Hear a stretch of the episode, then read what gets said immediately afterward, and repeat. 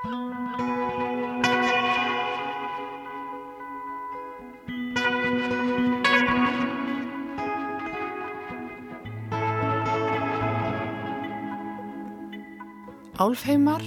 Neind Þing, Listin og loftslægið og Merking.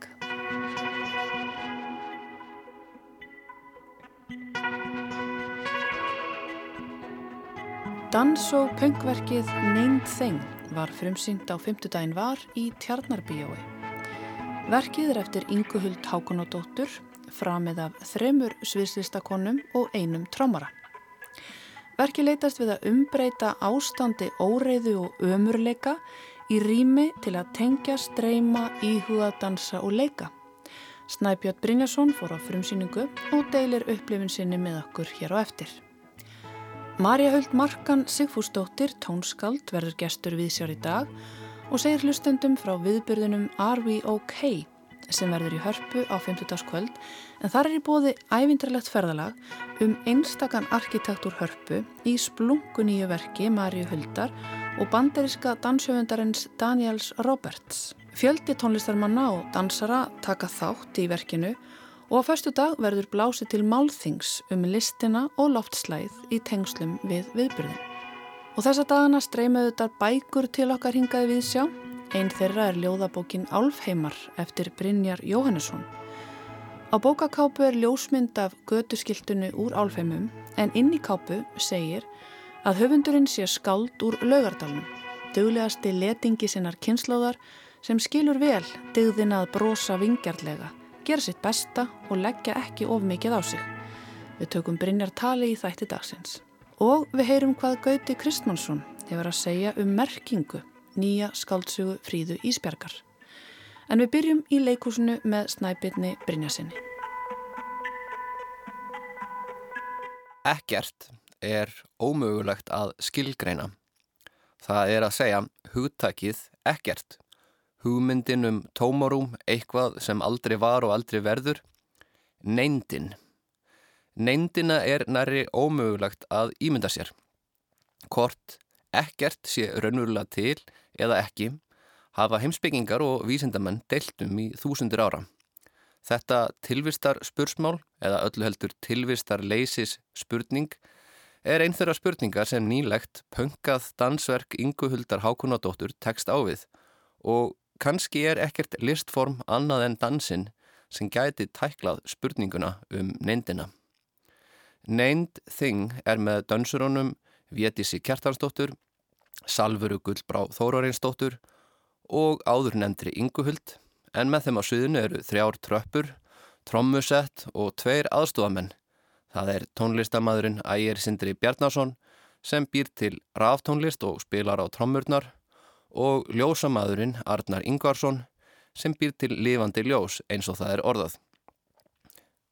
Ingahuld er hluta því sem hægt var að kalla belgísku bylgjuna í íslenskum dansi Það er að segja að hún tilæri mjög fjölbryttum hópi dans og sviðslista fólks sem hefur lært búið og starfað í Belgíu í lengri tíma og verið um leið virkur þáttangandi í íslenskri sviðslista senu. Í mörgum verka hennar hefur verið mikil áhersla á hljóðmyndina, til dæmis í samstarfsverkefnum hennar og Rósu Ómarsdóttir og í neynd þing er hljómurinn svo sannlega ekki aukatriði. Trommutaktur fylgir eftir fótatæki og öðrum hreyfingum dansarana sem yða í takt við skerandi öskur í minimalísku upphafi síningarinnar. Miða við þema verksins er fátt þar sem kemur á óvart, dansararnir byrtast í myrku tóminu og við sjáum þau slítrótt í gegnum lýsingu Arnars sem færðu helst til að minna á dýr sem byrtast á dimmum skóarvegi í framljósum bíls, nú eða raðvendir, rótendir og nýftendir á ráfinu innan í tómum myrkum hraðali. Sem betur fer tekur ynga verkið í aðra og óvæntari átt áður en landum líður. Þó svo að eðlís ávísun manns segir manni að til að tekla tómið verðum að að skapa nánast senn bútist bútóverk í myrkri, þá er í raun besta leiðin til að nálgast þessa heimsbyggilugu spurningu í gegnum misklið margra ólíkra sviðsmuna. Kanski er eina leiðin til að finna tómið að oflaða sviðið með eins mörgum mismunandi merkingum og merkingarleysum.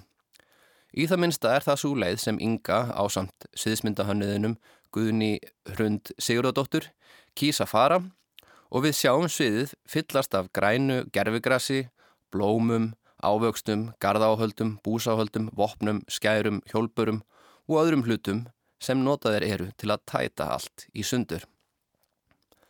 Fyrsti heimsbyggingurinn til að velta engu fyrir sér var Parmenides.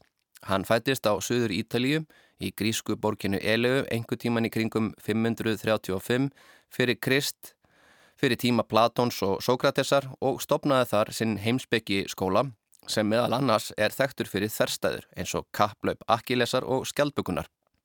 Á þessum tíma var skamt milli trúalegrar opinbörunar og heimsbyggilegra vangaveltna og eini tekstinn sem við hugsanlega höfum frá Parmenidesi sjálfum er ljóð um ferðalag hans til undrima þar sem hann hittir Persefónu, þróttingu Hadesar í ríki hinn að döðum en álíktun Parmenidesar er fyrðu nútímaleg. Það er að segja að hann kemst að svipaðri niðurstöðu og Albert Einstein gerir 2500 árum síðar að ekkert sé ekki til og bara það eitt að geta nefnt það á nafn og gefið í skilgreiningu gerir það að einhverju.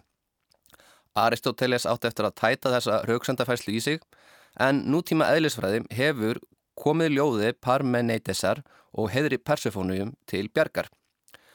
Neituninni eða anstæðinu við tilvist hefur Íranísnokk lengi verið afneitað innan vestrætnar heimsbyggihæðar. Nýjundaldar villutrúamadurinn Jóhannes Skotus Erigena eða Jóhann Skoti sem þráttur í nafnið var Írskur Guðfræðingur sem starfaði í Fraklandi um það leiti sem vikingar lögðu allt í rúst, vildi meina að neindin var í ílska því Guð var í algóður og Guð var í allstæðar og allt var í Guð og því var í anstæðan við eitthvað, korki meira niminna en hið illa sjálft. Þessi nálgun hlaut ekki blessun kaðolsku kirkjunar en sínir kannski hversu mjög ínöp vestrætni menningu sem stöðu þarf að fylla upp í og taka plás er við neindina. Það ætti því ekki að koma neinum á óvart að hugmyndunum nullið hafi komið úr austri. Hugdagi mu í japanskum zen-bútisma er þegar við reykjum slóðast eftir silkiveginum og til Indlands eh, upprunnin í sunyata sem er anstæðan við tilveruna og þó eins þarsagna kent og það hljómar þá er tilveran tóm og tómið tilveran. En til að gera langarsögur stutta þá fór orðið Sunyata einnig vestur á bógin í gegnum arabíska fræðimenn og dulsbygginga og endaði sem orðið Síró sem við þekkjum í ýmsum evróskum tungumálum. Spurningun um hvað eða hvort neindin sé raunverulega til eða geti nokkuð tíman orðið til verður senkt svarað. En tilfinningin er til staðar í verki ynguhildar. Frá því dansararnir þrýr byrja að skjálfa í myrkrinu og hrista sítt hár sitt er líkt og eitthvað ískikilegt vofi yfir. Hljóðmyndin fær ofta á sig blæbriði hryllingsmyndarinnar en á það til að springa út í punk fagurfræðim eins og þegar Salvör grýpur gjallarhorn og reynir að öskra gata á myrkrið og hleypur út í salin með kastljós á hælunum. Mest notaða orð síningarinnar er nei. Í leitina neindin er heiminum hafnað. Þetta er í senn forn hugmynd og nútímalag um hvernig veröldin trublar okkur og hvernig við getum öðlast betri skilning með einbettingu eða með því að fókusa og ekki fókusa á ekkert. Því er ekki að neyta að orðarleikirnir eru með því skemmtilegast í síningunni og í þeim sína flytjendirnir góða hæfileika í spuna. Þetta eru dansarar með ólíka líkama og getum en það kemur ekki að sög því Salfur, Vétis og Yngahult eru vel samstiltar eins og Nordnir handan tíma og rýmis sem klippast undur ávexti og örlega þræði. Undir lok síningarinnar likur svo lyktina melónu í loftinu sem fjarar út með dopnandi ljósum. Þetta er eitt af þeim verkum þar sem lýsingin er áberandi, ekki bara af því að ljósamæðurinn tekur pláss á sviðinu, heldur af því hún er vísvendandi rá og barnaleg. Hljóðmyndin æpir og kakofónisk sviðismynd Guðnýjar gerir það líka, en þegar öll er á botning kvöld er þetta fyrst og fremst verk flítindana. Það er framkvama gjörðirnar og dansin lipulega og gera það með húmor, og í rústum tómsins þegar öllu er lokið líðumanni eins og neindin eigi sér nýjan stað í hugamanns. Ekkert er svo sannarlega til. Í það minsta í ramögnuðu lofti Ternabíos meðan þær stöllur flytja þessa ráu en ljóðrænu og bísna mögnuðu síningu.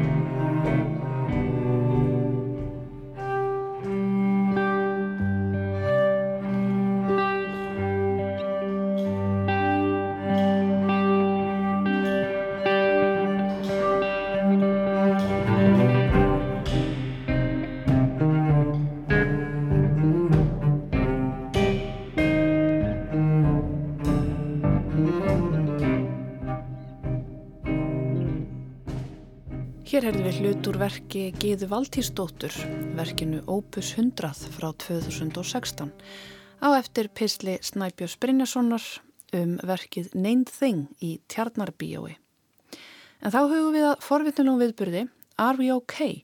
Þar er á ferðinni samrunni tónlistar, danslistar og arkitekturs og hingað er komin gestur til hans guðuna.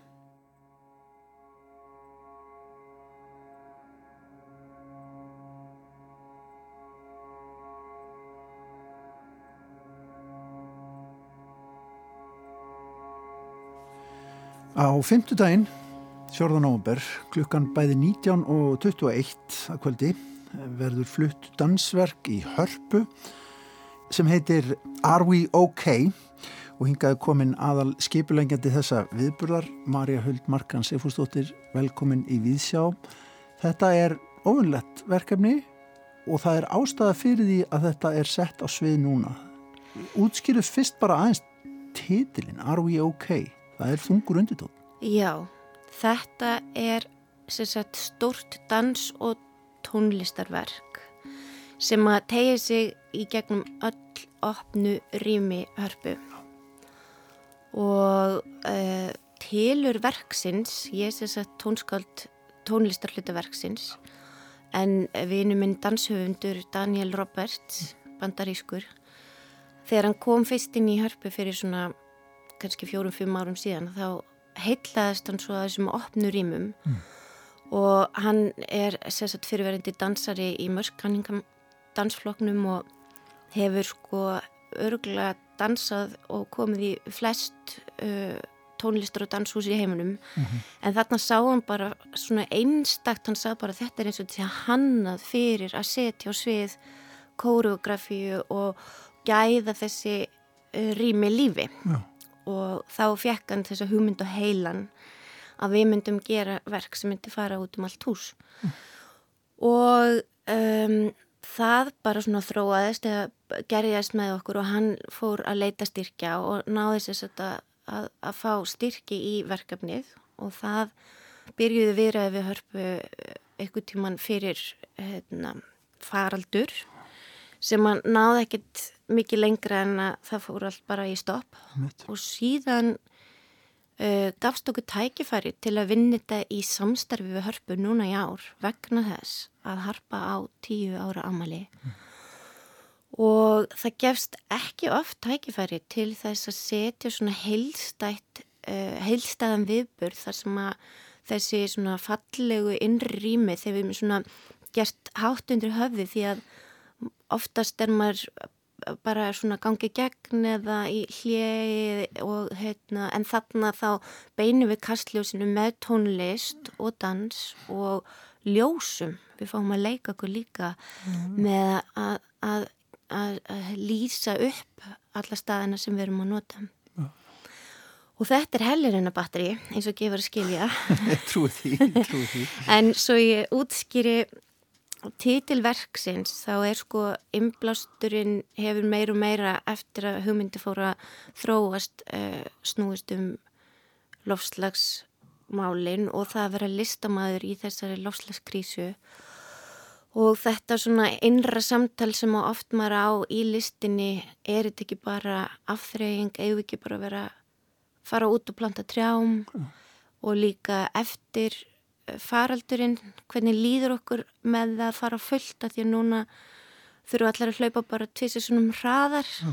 til þess að vinna upp alla skuldahalana í menningu og listum og og, og hérna og ok, vísa líka til óksins og uh, byrðarinnar sem við berum Já. og jökulsins Já. sem hvarf og hins vegar líka og frumunar.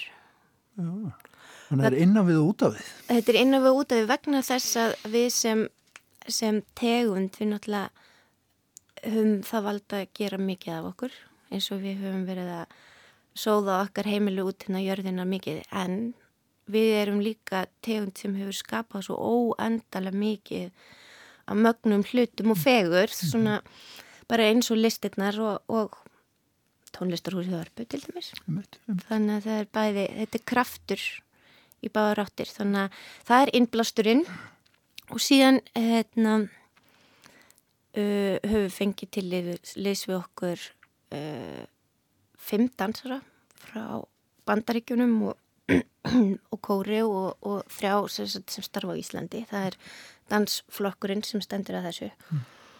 og í tónlistar uh, flutningi þar eru allskynns góðir mólar mm -hmm. þar er uh, ég búin að búa til band sem heitir Harmband sem er harmonium uh, hljómsveit sem samanstendur af hérna, Pétri Ben og Óla Byrnu Ólasinn og Páli Ífum frá Eithum og mm. Ásu Önnu Ólastóttur og Július í Björgvinsinni sem er svonur Björgvins uh, orgalsmiðs. Öll að spila harmoníum? Þau eru öll að spila harmoníum þannig ég er búin að, raka saman og láta gera við og, og hérna, svona rísastór fimm harmoníum sem að er þá uh, fyrir mig svolítið svona huglega líka um, um sko enduníun og, og hvernig að því að núna er í hérna, síðustu ár hefur verið svo rosalega mikið um að fólk hendi harmoníum bara beint á huguna eða þau dagi uppi að því þau eru stór og, og hérna,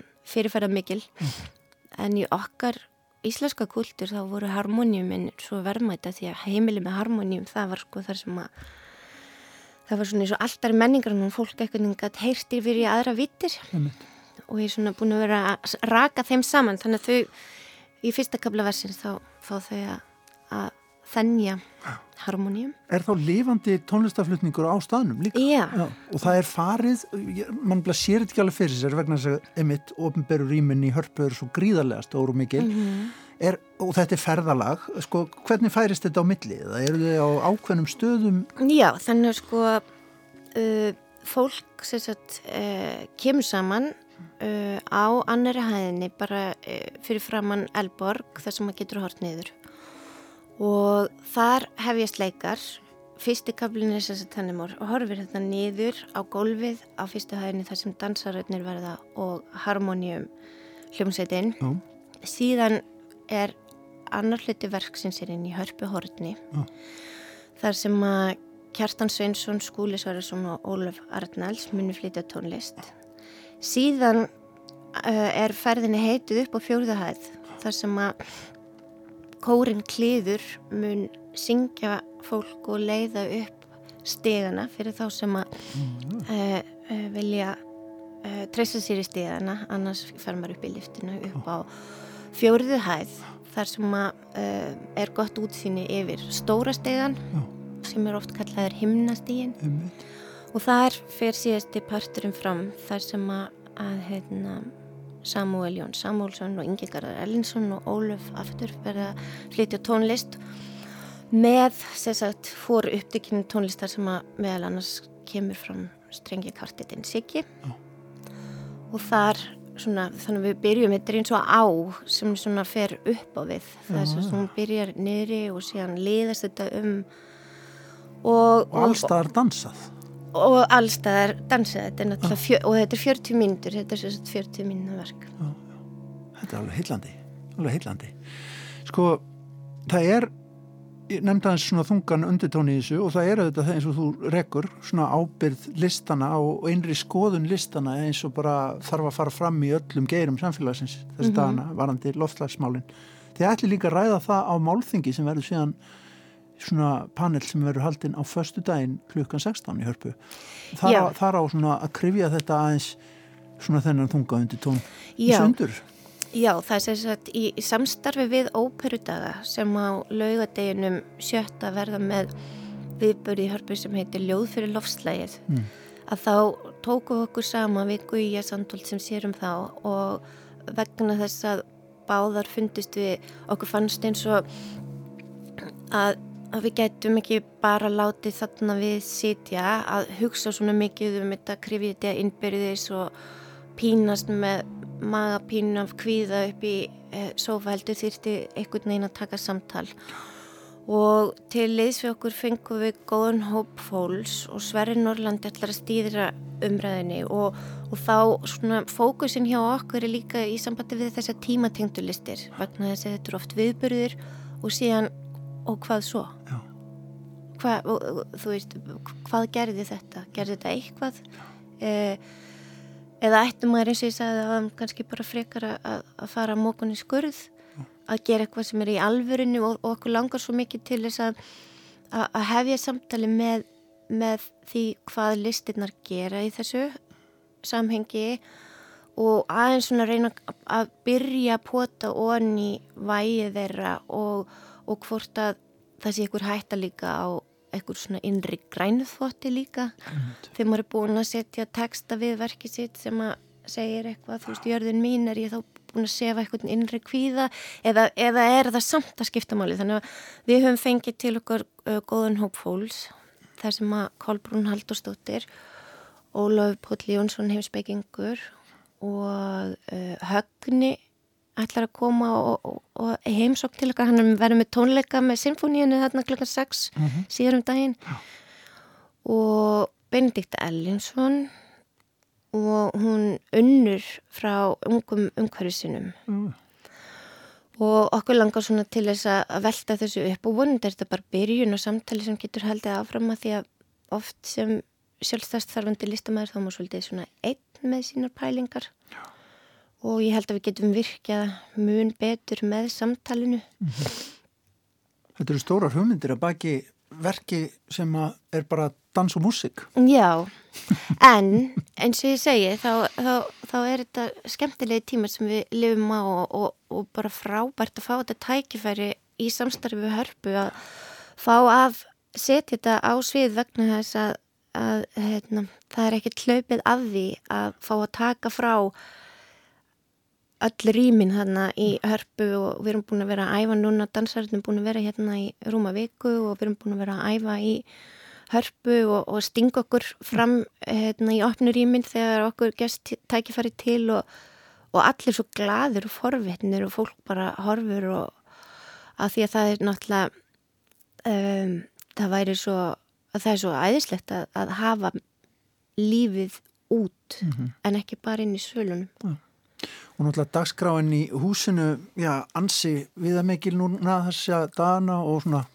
kannski opnunin, endur opnunin á húsinu eða finnst manni, svona doldið krampakent Já, hún er allavega örlítið á styrum, en ég ætla að taka það fram að okkar viðbyrjur er alveg ókeipis, þess að sagt kostar ekkert að koma inn, maður þarf ekki að taka frá miða þannig að það er bara um að gera að mæta annarkvort klukkan sjö eða nýju og vonandi er þetta eins og okkur hefur alltaf langað til þess að hafa þetta svona sem svona upplöfuna ferðalag þannig að við stýrum svolítið fólki í að njóta húsins í gegnum uh, tónlistin og dansin og þannig að þetta sé svona að því að, að, því að það eru ótrúlega fallegi hluti sem að getur farið að taka sem sjálfsögum hlut bara með tíð og tíma og stundum er svo gott að minna sig á hvað við erum heppin Já, ekki láta þetta vera að loka orðin. Are we ok? Þetta er á fymtudaginn í hörpu klukkan 19.21. Bendum á þetta. Takk fyrir komuna í Vísjá, Marja Huld.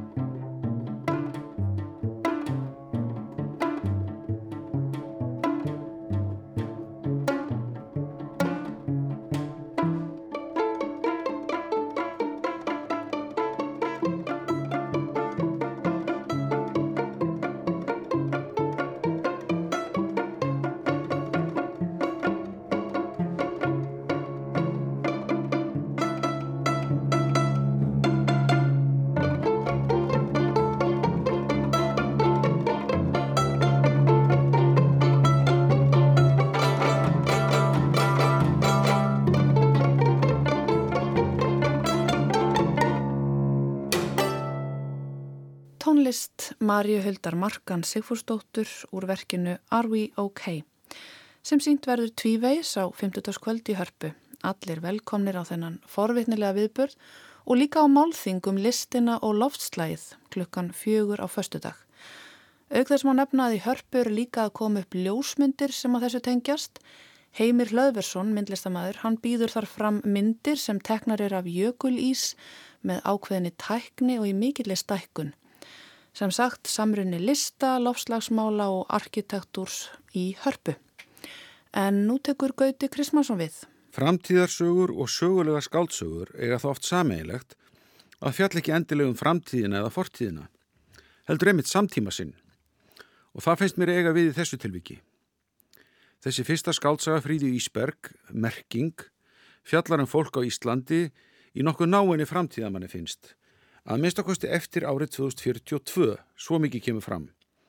En margt í þessari sögu vísar einhvern veginn til umliðina ára í íslensku þjóðfélagi. Titillin Merking er tvíræður og snýst á yfirborðinu um að sögupersonur sem hafa tekið tiltekið samkendarpróf láti síðan merkja sig hafi þær náð því. Þetta próf sannar að viðkomandi er ekki siðblindur eða siðraskaður eins og þar er að orði komist.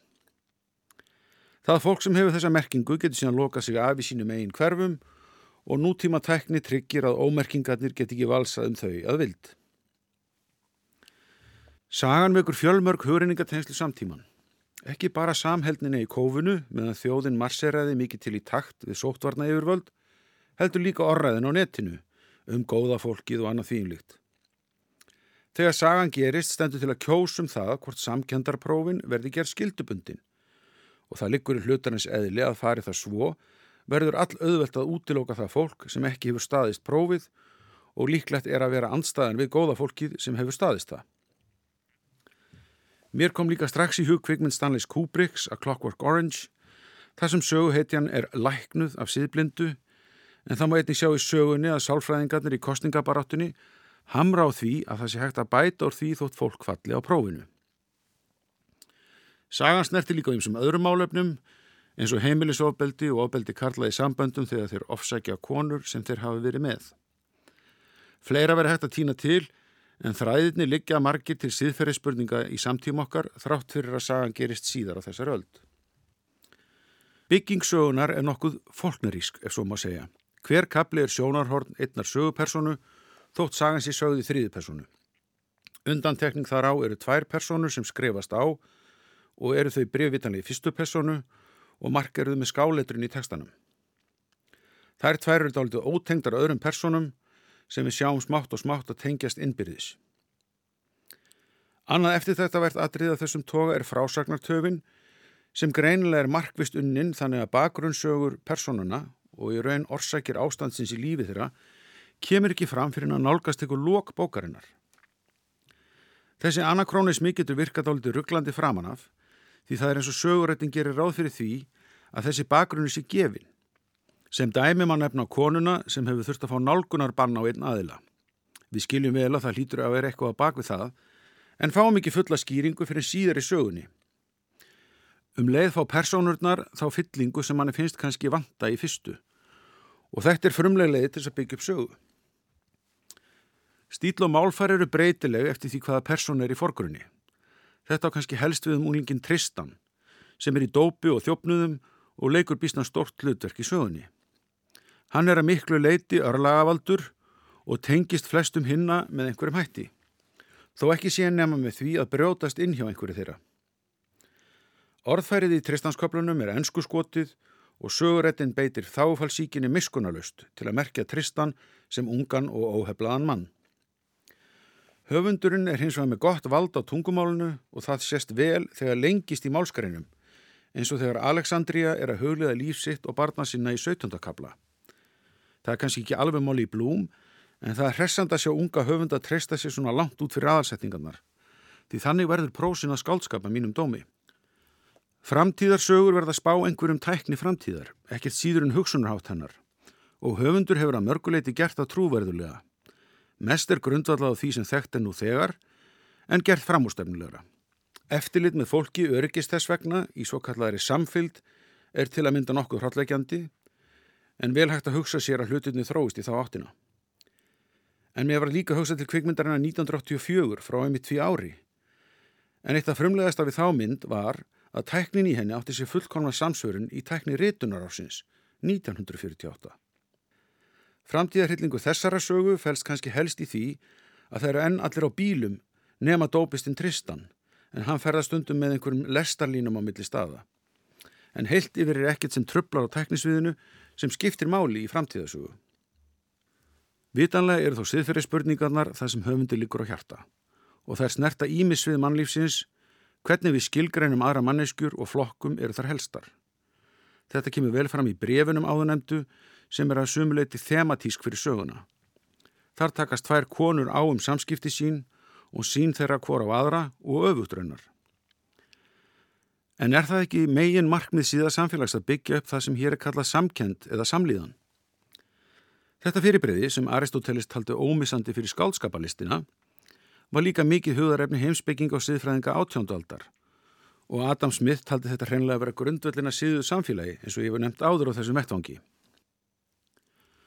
Fríða Ísberg spyr með þessari sögu hvort hægt sé að ganga of langt í þessu efni, sínist mér, eða hvort hægt að sé á að samkendin geti snúist upp í andstæðu sína. Það er verðugt verkefni skálskapar að kanna mörkin á mannlegu atferðli og reyna að skilja hvernig þau geta verið á skjön við hugmyndir og hugssjónir sem í sjálfum sér geta verið að hinn og góða en sé þeim veitt vald yfir öðrum manneskum geta orðið til íls. Svarið sem höfundur gefur í lokin með ákvarðun Tristans er, eins og titilsögunar, nokkuð tvírætt, án þess að ég nefni hvert það er. En það vekur upp fleiri spurningar eftir barátt og unga mannsins við sínar vindmilur. Eigum við að fella alla í sama mót til að tryggja öryggi okkar eða þóla mismunin með öllum sínum ókostum? Ekki get ég svara því, en það er alltaf gott að lesa bækur sem krefju okkur svara við slíkum spurningum. Sagði Gauti Kristmansson um merkingu nýja skaldsögu Fríðu Ísbjarkar en þá fyrir við á kaffihús.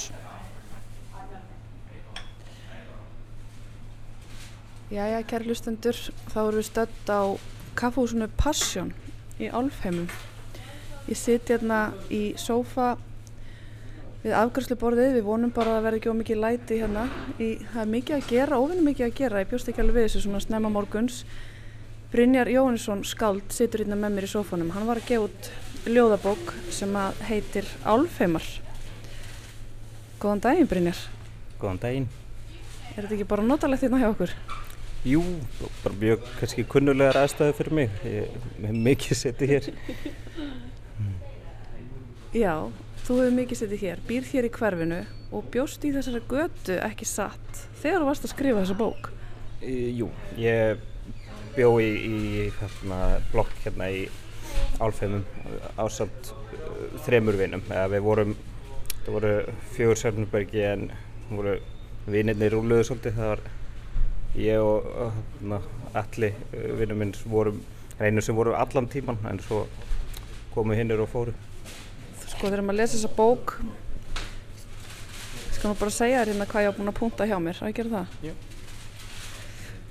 Þetta eru nokkur orð hérna random. Gleði og sorg, ramagn og mikla bjórar og leikir þungskref verktakar kulnun og tölvupostar svona í fljótu bræði þá er þetta svona hverstaslega hlutir sem að reyndar eru mjög meittlaðir þarna. Já, þetta þetta tímabill kannski einkendist einmitt af miklum þunga í bland við rosalega léttleika. Það var, það var svona það var mikil djömm eh, og miklar þingur en líka bara svona eh, svona hverstagsleiki sem var já, var kannski svolítið að svona íþingja mér og okkur eh, oft á tíðum. Voruð þið með miklar áhyggjur af ykkur sjálfum eða heimsmálunum eða segið mér aðeins svona frá þessum vangaveltum þannig að það er koman eitthvað fram í bókinni? Það voru svona yfirleitt kannski fjöruar umræður við eldursporðið og það eru hérna miklar skoðanir og fóru kannski ekki allir, allir alltaf sáttir frá borðum.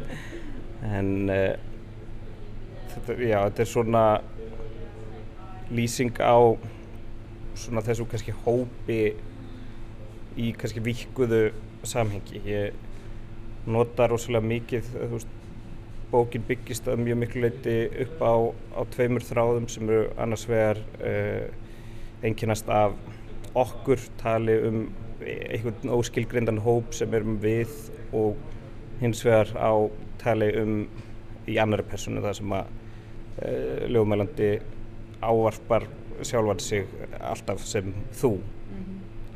Akkurat. Má ég byrja með að lesa hérna bara uppafið. Þar er mitt þessi hópur, kemur hann fram, þessi við. Ég var að taka þetta.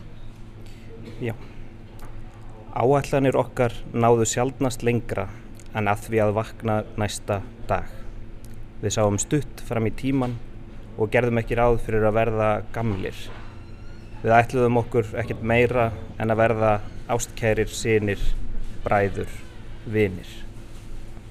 Nema þegar við ætluðum að kollvarpa samfélögum, klifur upp á þög og öskur okkur hása, eignast hús eftir krókaleiðum, skapa fríríki frá umheiminum, vefja sæng utanum samræður og okkur frá bá nótt, sæng utanum allt sem ekki þóldi njask. Þetta er svona Það er kannski líka eitthvað smá romantík í þessum tíma, er það ekki? Jú, klárlega. Það er, þú veist, þetta er, hérna, maður horfður kannski á annan tíma núna sem, þú veist, fullur maður af, af, hérna, uh, fortiða þrá, en, en svo er líka, þú veist, mikil gleði að það sé búinn, það er, þetta var, hérna, þú veist, kannski mjög mótandi tímabil að búa, hérna, í álfheimum ég glæðist mikið af vinum og hérna, lærði rosalega margt bara um sjálf mig sem mannesku og bara sem skáld Byrjaður að skrifa þessi ljóð á meðan þessi tími var eða svona eftir að byrjaður að fjarlagast hann?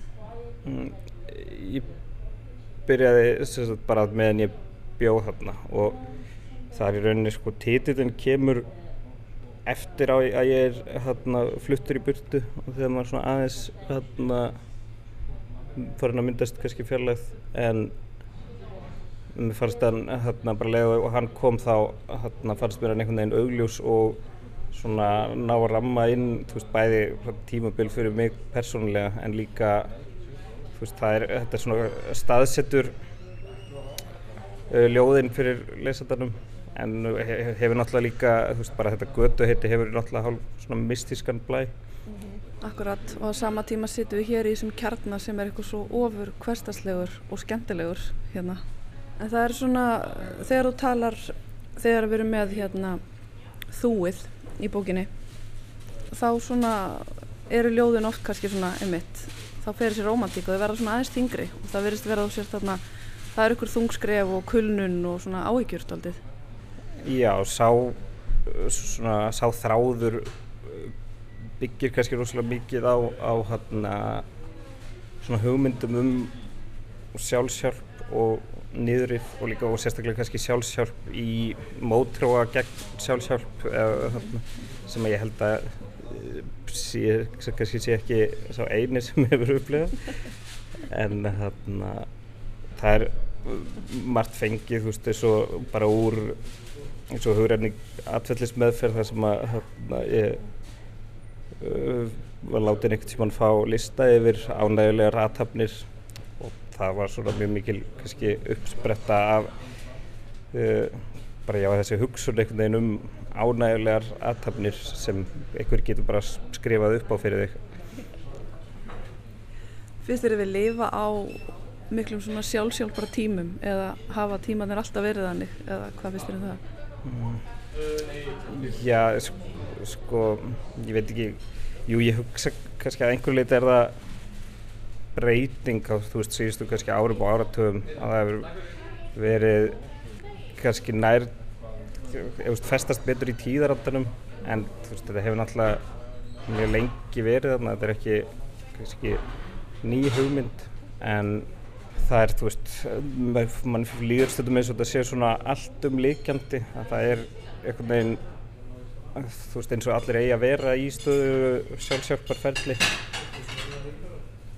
Má ég byggja um að lesa kannski, það er nú eitt ljóð hérna sem að ég hafa búin að bretta eitthvað stöðar Að hlusta á tónlist loka augunum anda djúft og brosa yfir bankakaffibotla fara í gönguferð út í náttúruna, horfa á sólsetur eða sólaruppbrás.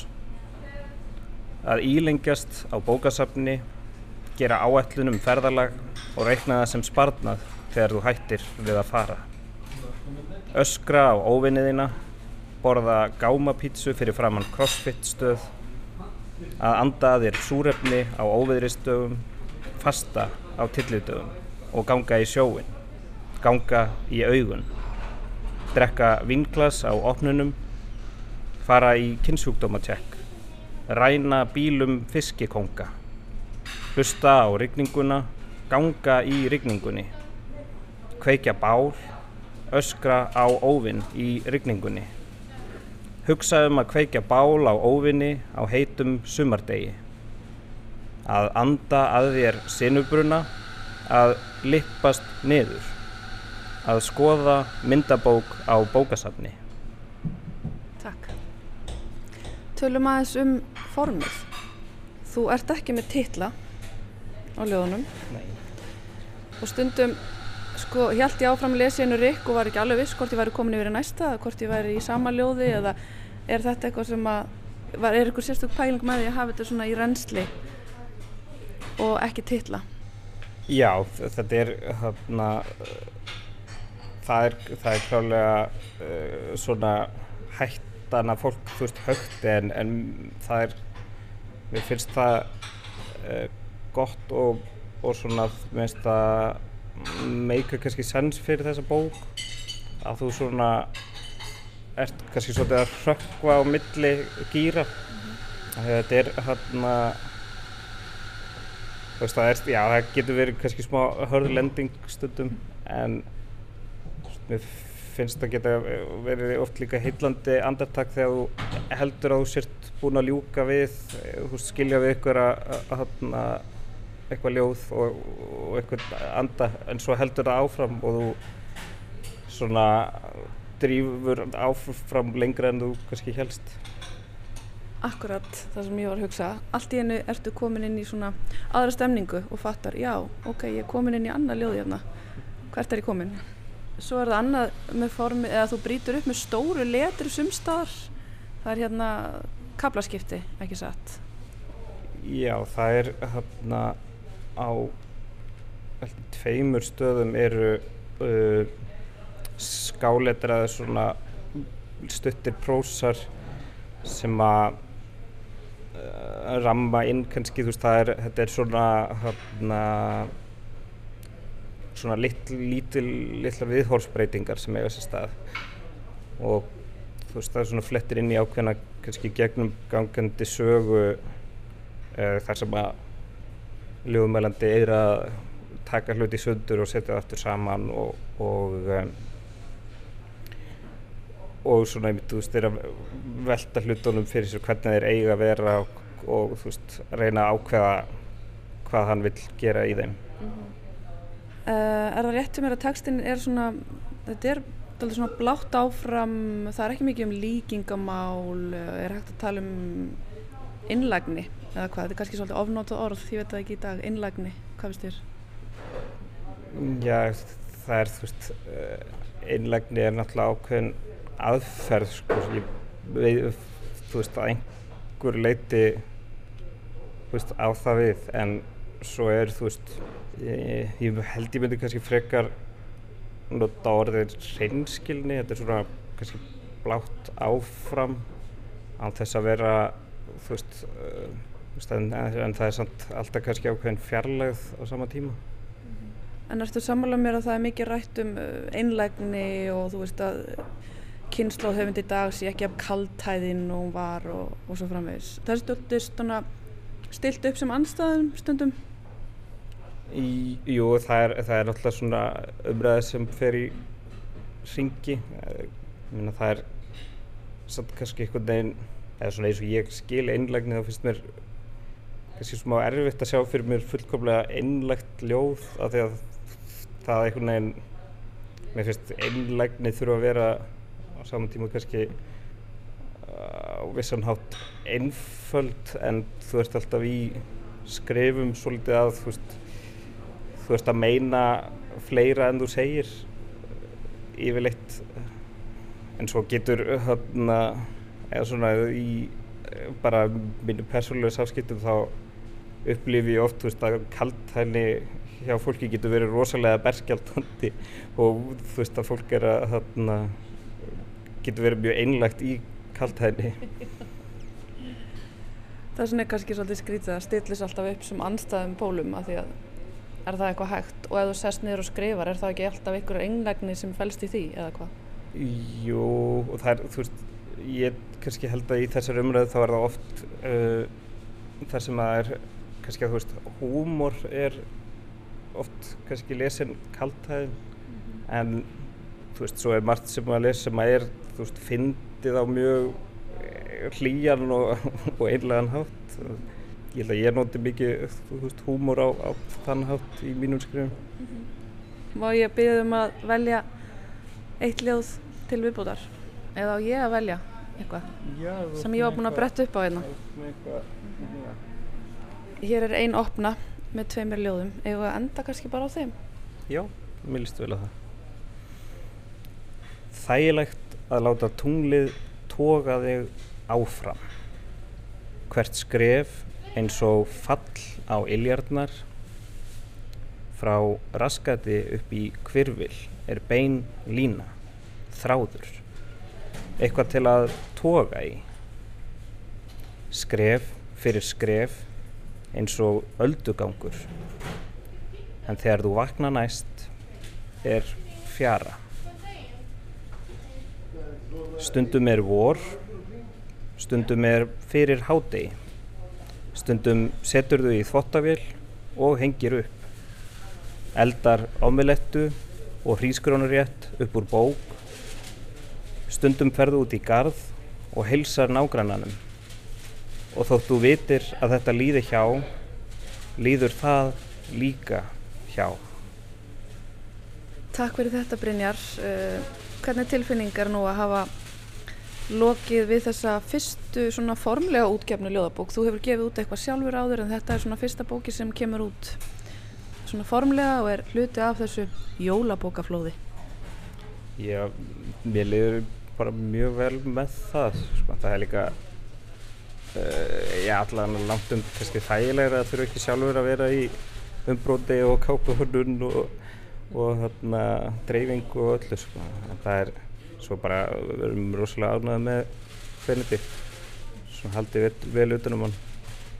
Segð mér bara öst upp til lókin hérna, nú er aðeins fara að hægast það eru svona rólæra hjá okkur hérna, við erum að klára úr kaffibóllunum Segð mér bara aðeins frá þér. Hvað er framöndan hjá þér, ætlar að halda fram að skrifa? Þú segði mér að þú væri að verða pappi eftir stuttarstund hvað ert að gera meira í lífinu en að skrifa og býða upp barni Ég er, er með ég er með svona handreitt í vinstlu að annari ljóðabók sem að sem að þú veist er alveg hægt að skilja sem svona sjálfstætt framhald af þessari.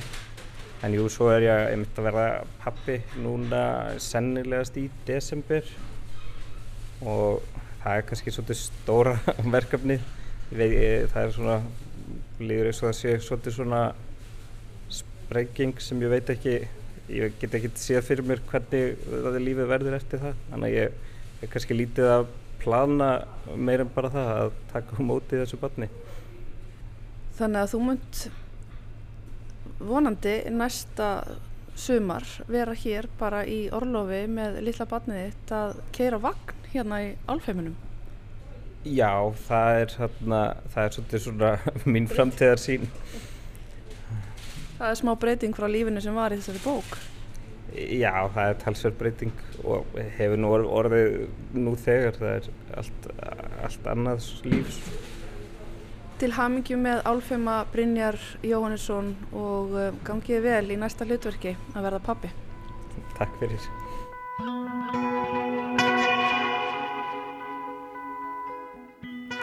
Og hér endar þátturinn í dag á kaffehúsnu Passjón með Brynjar Jóhannessinni. Takk fyrir að hlusta og verið sæl.